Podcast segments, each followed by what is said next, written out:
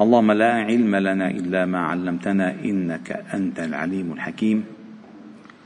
علمنا اللهم ما ينفعنا وانفعنا بما علمتنا وزدنا علما.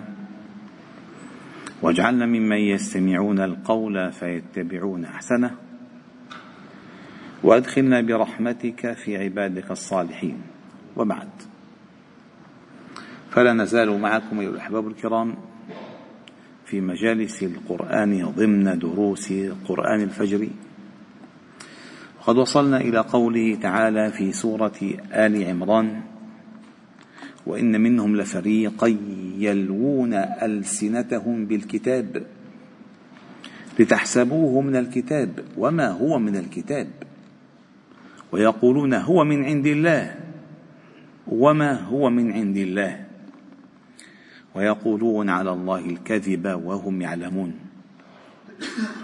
وقلنا أن هذه الآيات التي أتت في سورة آل عمران تكشف الانحرافات الخطيرة التي الخطيرة التي وقع بها أهل الكتاب. إن كان من انحرافات عقدية وإن كانت من انحرافات معاملتية وإن كانت من انحرافات تطبيقية. وهذه كلها بيان من الله تعالى وتفصيل لآياته. فالله تعالى قال وكذلك نفصل الآيات ولتستبين شو يا محمد؟ سبيل المجرمين. فهذه الآيات التي يفصلها يفصلها الله تعالى من خلالها تتبين أنت من خلال هذه الآيات تتبين سبيل المجرمين. ترى الطرق الملتوية التي انتهجها المجرمون في تسليك أمورهم.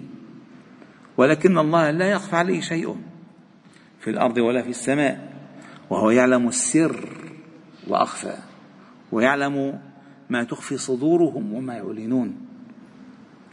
فلذلك هذه الأمور تكشف وكشفها كشفها بالعلن.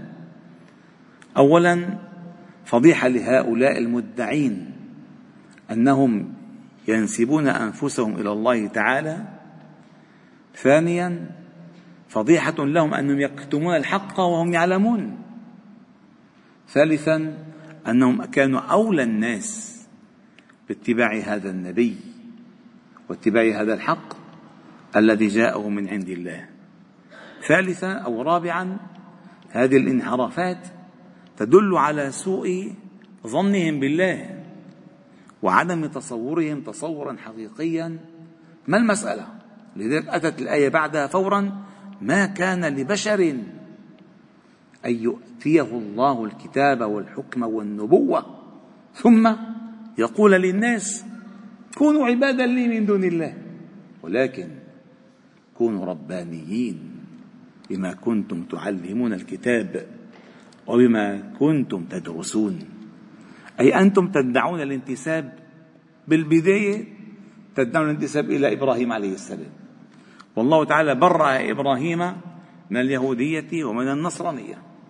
ثم تنسبون أنفسكم إلى المسيح عليه السلام وترفعونه مقاما لا ينبغي لأحد أن يكون في هذا المقام. ترفعونه إلى مقام الربوبية والألوهية. فالله تعالى قال ما كان لبشر أي بشر كان ما كان لبشر أن يؤتيه الله الكتاب والحكم والنبوة يعني الوحي يوحي إليه. ثم يقول للناس كونوا عبادا لي من دون الله. لذلك أتى البيان مفصلا في سورة في آخر سورة المائدة وإذ قال الله يا عيسى ابن مريم أأنت قلت للناس اتخذوني وأمي إلهين من دون الله؟ قال سبحانك. ما يكون لي أن أقول ما ليس لي بحق؟ بحق. لا يمكن. ثم قال ما قلت لهم إلا ما أمرتني به.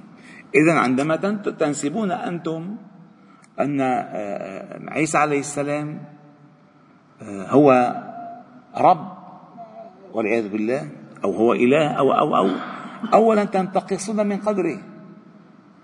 تنسبون له زورا ما لم ما لم يقله وما لم يفعله. وكأنكم تتهمونه أنه خان أداء الرسالة. وبلغكم عكس ما ينبغي أن يبلغكم إياه. فبدل أن يبلغكم أن تكونوا ربانيين لله فبلغكم أن تكونوا عبيدا له وهذا لا يمكن أن يكون. لا يمكن. لذلك أتت الآية بصيغة النفي ما كان لبشر أن يؤتيه الله الكتاب والحكم والنبوة ثم يقول للناس كونوا عبادا لي من دون الله وهنا نفتح قوة بلمحة سريعة عن خطورة خطورة التزعم. إن خطورة الاتباع. أي إمام على وجه الأرض؟ صدقوني أيها الأحباب الكرام. أي إمام وضع الله تعالى له القبول في الدنيا انسلخ انسلاخا كليا عن التبعية لنفسه. أي أي إمام. عم نحكي الأنبياء أي إمام لأن الأصل الأصل من كان معه هدى أن يدل الناس على الهدى لا يدل الناس عليه على نفسه يعني. ما الأصل أن يكون يكونوا أتباع لأليه هذا لا ينبغي أن يكون. لذلك الإمام الشافعي رحمه الله تعالى وغيره كثير قال تمنيت لو أن الناس كل الناس انتفعوا بهذا العلم ولم ينسب إلي منه شيء واحد. شيء واحد. ليش؟ الأصل إن كان معك الحق أن تدل الناس من خلالك على الحق لا أن تدل الناس من خلال الحق عليك. فتصبح أنت بصورة غير مباشرة ربا متبوعا بغير حق. وهذا أمر خطير جدا جدا. لذلك قل هذه سبيلي أدعو إلى الله. ما أدعو إلى أنا إلي إلى نفسي يعني. فالأصل الدعوة أن تكون إلى الحق إلى طريق الصدق إلى الصراط المستقيم. فهنا الله تعالى قال ما كان لبشر أن يؤتيه الله الكتاب. الكتاب الذي يدل على صدق المنهاج. كتبه الحكم الحكم الذي يدل على تطبيق المنهاج.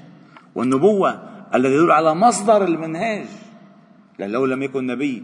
من يوحي إليه ثم هذه تقول للتراخي ثم أنه بعد ما الله أعطاه الكتاب والحكم والنبوة ثم يقول للناس كونوا عبادا لي من دون الله. لذلك ورد عندهم في سفر أرميا أن عند الله تعالى عندما الله تعالى أذن لنبوخذ نصر أن يستبيح بيت المقدس قال واتخذتم كتاب الله تعالى تتخولون الناس لأنفسكم ما لا ينبغي أن يكون إلا لي. يعني تستخدموا الناس بجر لألكم بما لا ينبغي أن يكون إلا لي. هذا أمر خطير. فنزل عليهم العذاب. قال ثم يقول الناس كونوا عبادا لي من دون الله ولكن أي الهدف من التعليم كونوا ربانيين بما كنتم تعلمون الكتاب وبما كنتم تدرسون. الربانية أيها الأحباب الكرام لها معان متعددة. المعنى, المعنى الظاهر أي أن تنتسبوا إلى الرب. أن تنتسبوا إلى الرب لا تنتسبوا إليه أي أن تنتسبوا إلى الرب عبيدا عبادا. مستجيبين خاضعين قانتين. ثم المعنى الآخر أن تكونوا ربانيين أي أن تربوا أن تربوا أنفسكم لأن معنى الرب معنى الرب هو الذي يتابع المسألة. لذلك يقال رب البيت. شو معنى رب البيت؟ هو خلقه للبيت هو يقوم على شؤونه. فالرباني يعني يجعل كتاب الله تعالى يقوم على شؤونه هو الذي يسير حياته. ليش؟ لأن بما كنتم تعلمون الكتاب وبما كنتم تدرسون فإن المنهاج الذي في كتاب الله تعالى يجعلكم متصلين به التصاقا حتى تنتسبون إليه.